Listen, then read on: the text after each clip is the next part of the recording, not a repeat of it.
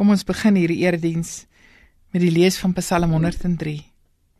Ek wil die Here loof met alles wat in my is. Wil ek sy heilige naam loof. Ek wil die Here loof en nie een van sy weldade vergeet nie. Dit is hy wat al my sonde vergewe, wat al my siekte genees, wat my red van die graf en my met liefde en ontferming kroon, wat my die goeie en oorvloed laat geniet, my die jeugdige krag van die arend skenk. Die Here laat geregtigheid en reg geskied aan almal wat verdruk word. Aan Moses het hy sy wil bekend gemaak aan Israel wat hy van plan was om te doen. Barmhartig en genadig is die Here, lankmoedig en vol liefde. Hy sal ons ons sonde nie bly toereken en nie vir ewig toornig bly nie. Hy handel met ons nie volgens ons sondes nie. Vergeld ons nie vir ons ongeregtighede nie. Want so groot as die afstand tussen die hemel en die aarde is, so groot is sy liefde vir die wat hom dien. So ver as die ooste van die weste af is, so ver verwyder hy ons oortredinge van ons af. Soos 'n vader hom ontferm oor sy kinders, so ontferm die Here hom oor die wat hom dien. Hy weet waarvan ons gemaak is. Hy hou dit in gedagte dat ons stof is. Die mens, sy lewensdier is soos die van gras, soos die van 'n veldblom wat oopgaan as die woestynwind daaroor waai, is dit weg en sy plek is vir altyd leeg. Maar onverganklik is die liefde van die Here vir die wat hom dien. Sy trou vir opeenvolgende geslagte, vir die wat getrou bly aan sy verbond en sy voorskrifte nakom. Die Here het sy troon in die hemel gevestig. Sy heerskappy strek oor alles en almal. Loof die Here magtige engele wat sy opdragte uitvoer, sy beveelings gehoorsaam. Loof die Here alle hemelwesens wat hom dien en sy wil doen. Almal wat deur hom geskep is, loof die Here op al die plekke waar hy heers. Ek wil die Here loof. Geliefdes, ek groet julle in die naam van hierdie Here met vrede en genade van God ons Vader en Jesus sy seun deur die werk van die Heilige Gees. Kom ons luister na hierdie pragtige lied wat ons kan saam sing, lied 345, kom alle getroues.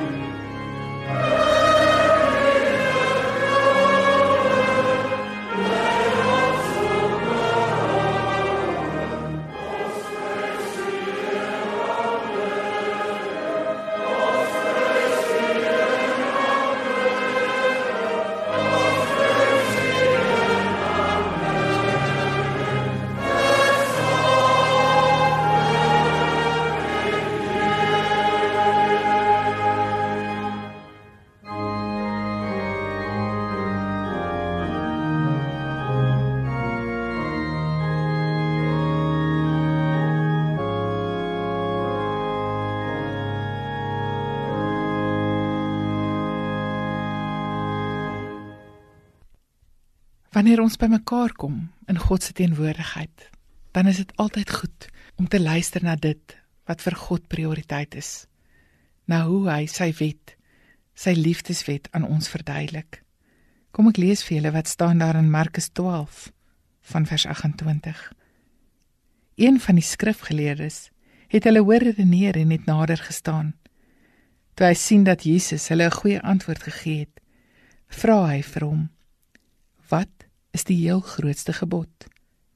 Jesus antwoord hom: "Die eerste is: Luister Israel, die Here ons God is die enigste Here. Jy moet die Here jou God lief hê met jou hele hart en met jou hele siel en met jou hele verstand en met al jou krag.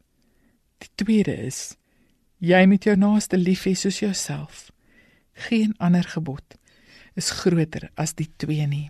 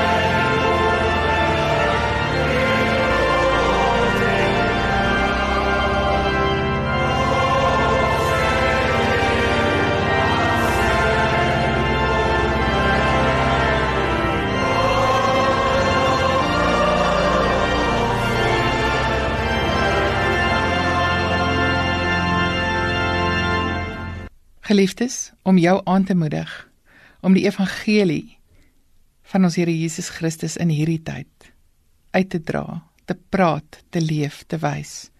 Kom ons bely ons geloof in die Here hardop saam. Ek glo in God die Vader. Ek glo in die almagtige skepper van die hemel en die aarde. En in Jesus Christus sy eniggebore seun, ons Here, wat ontvang is van die Heilige Gees gebore is uit die maagd Maria wat gelei het onder Pontius Pilatus gekruisig is gesterf het en begrawe is en ter helle neergedaal het. Maar wat op die 3de dag weer opgestaan het uit die dood wat opgevaar het na die hemel en sit aan die regterhand van God die almagtige Vader van waar hy sal kom om te oordeel die wat nog lewe en die wat reeds gesterf het Ek glo in die Heilige Gees. Ek glo aan 'n heilige algemene Christelike kerk, die gemeenskap van die heiliges, die vergifnis van sondes en die wederopstanding van die vlees. Kom, laat ons nou saam bid. Here, ons gaan nou uit die woord lees sodat ons daaroor kan praat. Maak ons harte ontvanklik en ons ore oop om u stem te hoor. In die naam van Jesus bid ons dit. Amen. Geliefdes, vir oggend lees ons uit Lukas 1 vers 26 tot 56. In die 6ste maand van Elisabet se swangerskap het God die engel Gabriël gestuur na 'n maagd in Nasaret, 'n dorp in Galilea. Sy was verloof aan Josef, 'n man uit die geslag van Dawid. Die naam van die maagd was Maria.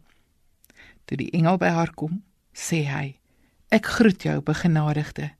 Die Here is by jou. Sy was verbuisterd oor die woorde en het gewonder wat die begroeting tog kon beteken. Die engel sê toe vir haar: Moenie bang wees nie, Maria, want God bewys genade aan jou. Jy sal swanger word en 'n seun in die wêreld bring, en jy moet hom die naam Jesus gee. Hy sal groot wees en die seun van die Allerhoogste genoem word. Die Here God sal hom die troon van sy voorvader Dawid gee, en hy sal as koning oor die nageslag van Jakob heers tot in ewigheid. Aan sy koningskap sal daar geen einde wees nie. Maar Maria sê vir die engel: Hoe is so iets moontlik? Aangesien ek nog nooit omgang met 'n man gehad het nie. Die engel antwoord haar: Die Heilige Gees sal oor jou kom en die krag van die Allerhoogste sal die lewe in jou wek. Daarom sal die een wat gebore word heilig genoem word, die seun van God. Kyk, 'n bloedverwant van jou Elisabet het in haar ouderdom self ook 'n seun ontvang en sy wat as onvrugbaar bekend was, is nou al in haar 6ste maand. Niks is vir God onmoontlik nie. Maria sê toe: Ek is tot beskikking van die Here. Laat met my gebeur wat U gesê het. Toe het die engel van haar af weggegaan. Maria het sonder versuim gereed gemaak en haastig na 'n dorp in die bergstreek van Judea gegaan. Daar het sy in Sagarias huis ingegaan en vir Elisabet gegroet. Net toe Elisabet die groet van Maria hoor, het die kindjie in Elisabet se moederskoot beweeg en sy is met die Heilige Gees vervul en het hard uitgeroep: Geseënd is jy onder die vroue en geseënd is die vrug van jou moederskoot. Waaraan het ek dit te danke dat die moeder van my Here na my toe kom? Kyk net, toe die geluid van jou groet in my ore klink, het die kindjie in my van vreugde beweeg. Gelukkige sy wat glo dat in vervulling sal gaan wat die Here vir haar gesê het. En Maria het gesê: Ek besing die grootheid van die Here. Ek juig oor God, my verlosser, omdat hy na my in my geringheid omgesien het. Kyk, van nou af sal elke nuwe geslag my gelukkig noem, omdat hy wat magtig is groot dinge aan my gedoen het. Heilig is sy naam. Hy bewys ontferming van geslag tot geslag aan die wat hom eer. Kragtige dade het hy met sy arm verrig Hoogmoedig is in hulle eie waan het hy uitmekaar gejaag. Maghebbers het hy van trone afgeruk en gering is verhoog. Behoeftiges het hy oorlaai met goeie gawes en rykes met leë hande weggestuur. Sy dienaar Israel het hy te hulp gekom deur te dink aan sy beloftes van ontferming, soos hy dit toegesê het aan ons voorvaders, aan Abraham en sy nageslag tot in ewigheid. Maria het omtrent 3 maande by Elisabet gebly en daarna teruggegaan huis toe. Ons luister na die pragtige loflied van Maria as bevestiging van die skrifgedeelte wat ons sopas gehoor het.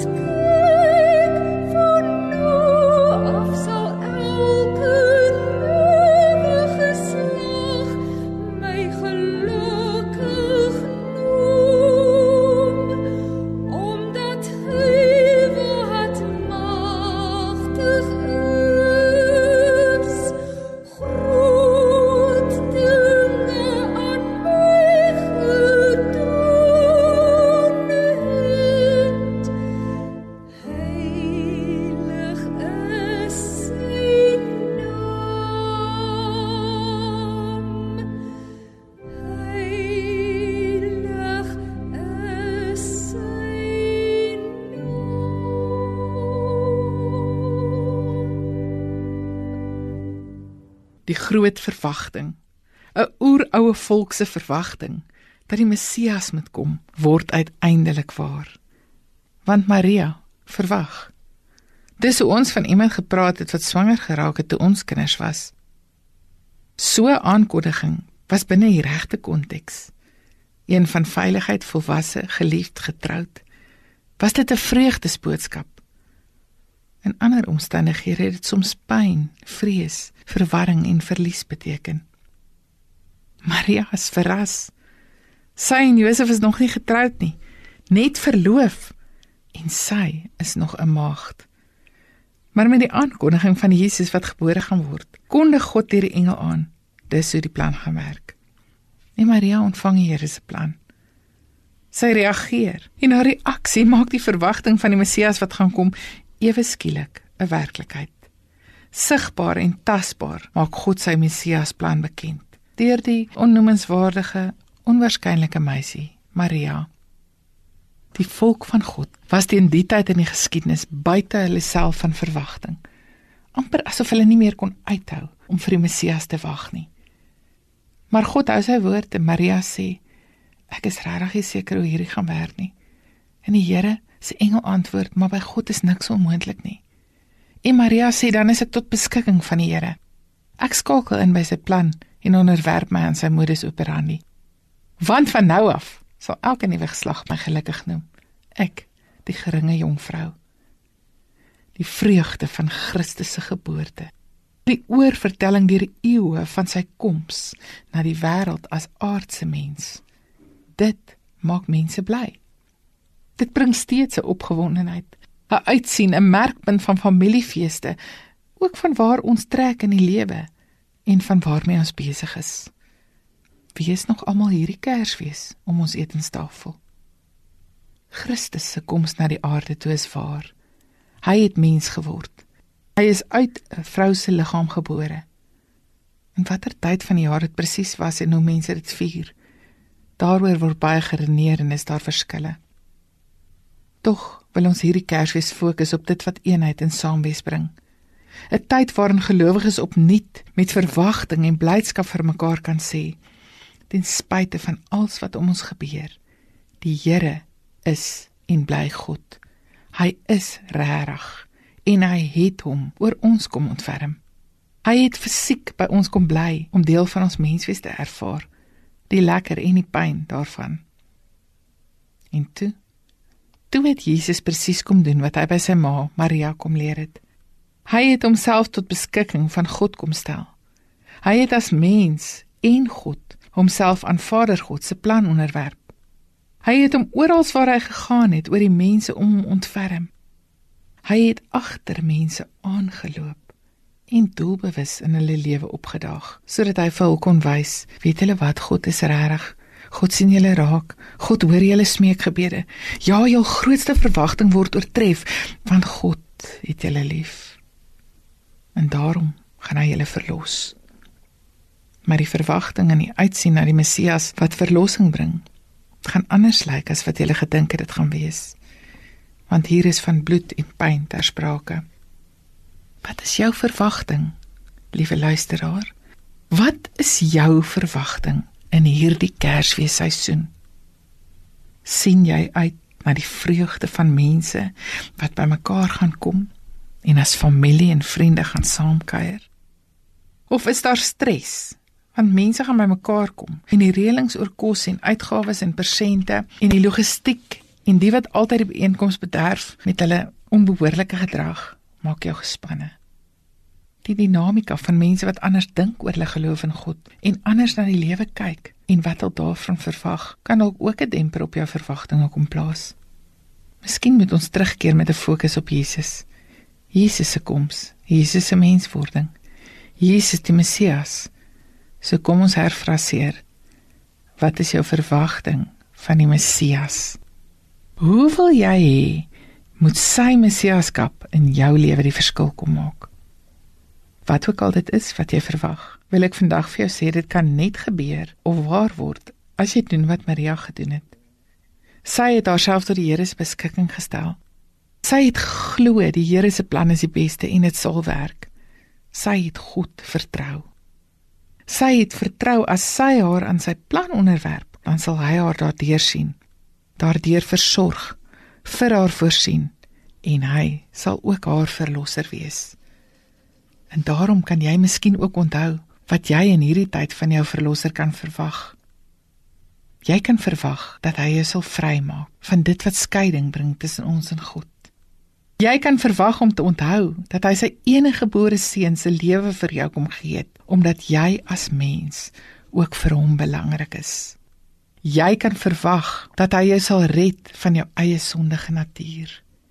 Jy kan verwag dat hy sy liefde wat Jesus kom leef het, ook in jou lewe sal kom neersit sodat jy dit ook weer vir ander kan aangee. Jy kan verwag dat hy sal omgee wat regtig met jou gebeur. Jy kan verwag dat hy die een sal wees wat jou siekte en jou pyn sal genees. Jy kan verwag dat hy jou swakhede sal ken en deur sy krag jou in staat sal stel om verby jou eie beperkings te lewe.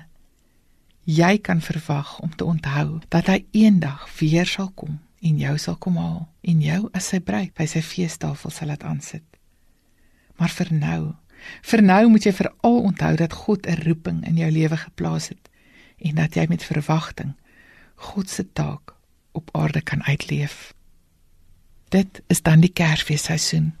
Christusfeestyd. En ek wil jou aanmoedig, nooi die Christus van die Christusfees in jou lewe in. Maak hom die eregas van jou tafel. Bevestig sy teenwoordigheid en ingryp in jou lewe. Getuig van sy goedheid en sorg vir jou en jou familie. Leef sy verlossing en vergifnis met vrymoedigheid uit. En dan gaan vertel jy vir almal van die verwagting wat jy vir vandag en môre koester. Omdat Jesus na die wêreld gekom het omdat Jesus ook in jou lewe 'n woonplek gevind het. Gaan dan en kondig jy die geboorte van Christus aan. Vertel van die Here. Al is jy versigtig of skaam of bang vir die opinies van familie en vriende, mense om jou. Al is jy 'n vreemdeling in die verte. Jy moet Christus se koms in die wêreld se Kersviering aankondig. Jy moet Jesus se lof besing en die feite van sy lewensverhaal deel. Vat jou Bybel, gelowige broer en suster, en lees en leef die evangelies. Moenie laat ander allerlei mooi soetsappige stories oor Kersfees by jou lewe kom indra nie. Nee. Vat jy die inisiatief en pak jy die Christusverhaal in jou huis uit. Leer jy die mense dat hul verwagting anders kan en moet lyk as die wêreld se, maar dat hul verwagting deur God beplan en bestuur word dat God se openbarmaking van homself volmaak en goed en waar was. Mag jy 'n geseënde tyd in hierdie Kersfeesseisoen beleef. Amen. Dankie Here Jesus dat U mens geword het. Dankie dat U lewe hier op aarde en in die hemel vir ons hoop bring.